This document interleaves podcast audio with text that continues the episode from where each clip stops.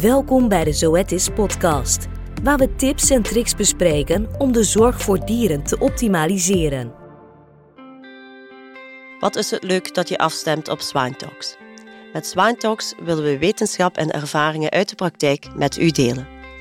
Mijn naam is Hedwig van Aken. Ik ben marketingmanager bij Zoetis en stel jullie in het kort mijn collega's voor die de inhoud van de podcast zullen verzorgen. Anne van der Zijpen is varkensdierenarts voor Zoetis België. Twan van Berlo is onze Nederlandse varkensdierenarts. En Tom Meins is business unit manager en ondersteunende dierenarts voor beide landen. Voor vandaag hebben we collega Tom Meins uitgenodigd in Swine Talks. De volgende episode zal hij meer toelichting geven over het gebruik van oral fluid bij het varken. Tom, kan je ons uh, even toelichten hoe ver dat we staan met de oral fluids in de varkenshouderij? Oral fluids zijn eigenlijk ook al enkele jaren goed ingeburgerd voor de diagnostiek op varkensbedrijven. Het was een tiental jaar geleden een volledig nieuwe techniek, maar ondertussen is er toch al heel wat ervaring. Uh, het is een vlot bruikbare, eenvoudige en goedkope techniek voor uh, de varkensdierenarts. Kan je enkele voor- en nadelen aanhalen voor het gebruik van die oral fluids? Ja, uiteraard. Dus, uh, ja, voor mij het belangrijkste voordeel voor het gebruik van uh, oral fluids is eigenlijk dat het een niet-invasief, diervriendelijk monster is. Dus het is uh, eigenlijk voor de dieren heel eenvoudig om zich te laten bemonsteren. Ze gaan al vanzelf gaan, gaan bijten in de touwen. Daarnaast is het ook eenvoudig om heel veel dieren te bemonsteren. Dus je kan goed een volledige groep bemonsteren zonder dat je elk dier individueel moet uh, gaan uh, benaderen. Het is eenvoudig. Je moet enkel een touwtje hangen in, in de stal, een beetje wachten en het touw terug gaan ophalen.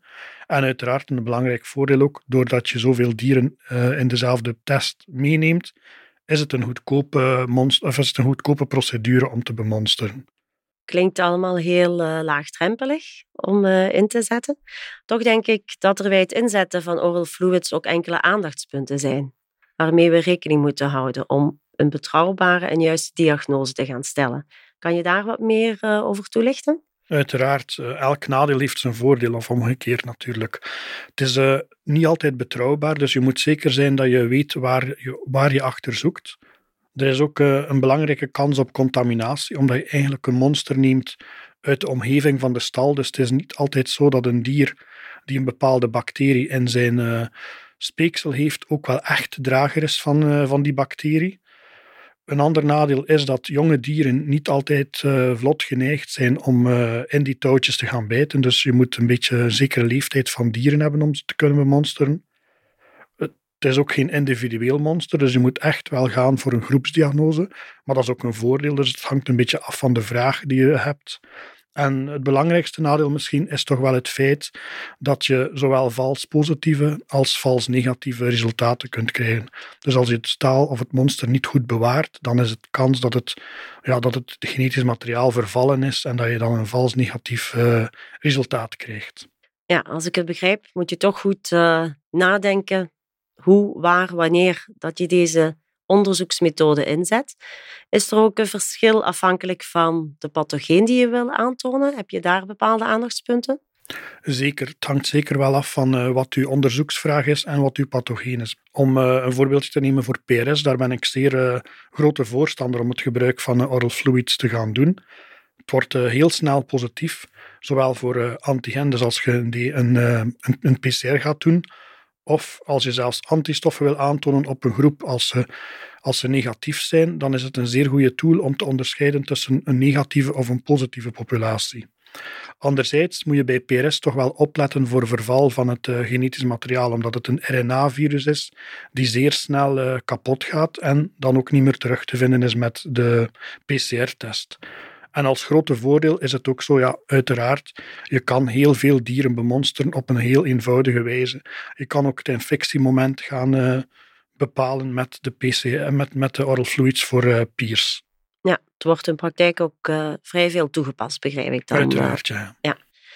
Kan je die lijn doortrekken naar de diagnose voor uh, griep te onderzoeken? Of is, ligt er anders voor het gebruik van speekseltouwen? Voor griep is het een beetje anders, omdat uh, normaal gezien als we neusswaps nemen, die dan toch een beetje de standaard zijn voor, uh, voor influenza, dan blijkt het dat de oral fluids toch wel twee, drie weken langer positief zijn Dus als je in een uh, batterijopfok oral fluids gaat hangen, heb je heel veel kans dat die ook positief is voor influenza, omdat daar vaak influenza aan het rondgaan is. Maar het is niet altijd zeker dat er dan ook een uh, direct verband is met de kliniek. Dus het kan zijn dat je eigenlijk een kiem aantoont waar niet direct de, de klinische belang mee verbonden is. Doordat het virus eigenlijk zo lang aanwezig blijft in het speeksel, vindt men het relatief makkelijk terug voor griep. Ik hoor jou vooral over virussen spreken. Kan je de onderzoeksmethode ook gebruiken voor bijvoorbeeld mycoplasma? Ja, dat kan uiteraard. Om, het, uh, om de mycoplasma's aan te tonen is het een techniek die kan. Maar zelf vind ik het eigenlijk geen, uh, geen echt geschikte techniek voor mycoplasma. Omdat je geen, uh, geen informatie hebt over het feit van wat, uh, wat de hoeveelheid kiemen uh, zijn. En er is geen goede link tussen de hoeveelheid kiemen in het speeksel en de ernst van de longletsels. Dus je kan het eigenlijk alleen maar gebruiken om aan te tonen dat een uh, bedrijf of een groep positief is. Maar goed, dat weten we eigenlijk vaak al, omdat de meeste bedrijven in de praktijk ook wel positief zijn. Anderzijds, als je een negatief oral fluid hebt voor mycoplasma, ben je nog altijd niet zeker dat de groep uh, volledig negatief is voor mycoplasma. Dus daar denk ik dat een TBS, een tracheobronchiale spoelsel, dan een uh, veel betere techniek is om dit te gaan toepassen voor mycoplasma. We zien dat er ook steeds meer voor circovirus allerlei nieuwe diagnostische tools op de markt zijn. Hoe zit het met het gebruik van speekseltouwen voor circo aan te tonen? Ja, speekseltouwen zijn ook goed, uh, goed bruikbaar om, om circo aan te tonen. Zeker omdat het virus resistent is en dan ook vlot aantoonbaar blijft. Daarinboven kun je dan ook het, uh, het onderzoek of het speeksel gebruiken om te gaan typeren welk subtype van uh, PCV2 er voorkomt, wat altijd interessante informatie oplevert voor het bedrijf. Ja, dankjewel. Het gebruik van speekseltouwen is erg ingeburgerd in tussentijd, denk ik. En men vindt het ook erg handig in de praktijk. Kan je nog een laatste tip meegeven voor de luisteraar? Ja, ik denk dat het zeer belangrijk is als je speekseltouwen wil inzetten, dat je een goede voorbereiding hebt. Enerzijds om het uh, speeksel na de, na de monsternamen vlot bij het laboratorium te brengen, zodat er geen uh, verval plaatsvindt. En anderzijds moet je ook natuurlijk goed nadenken dat je de juiste stalen of de juiste monsters neemt voor de juiste onderzoeksvragen. Dus daar is een voorbereiding heel belangrijk. We danken u van harte voor het beluisteren van deze Swine Talks en verwelkomen u graag in een volgende episode.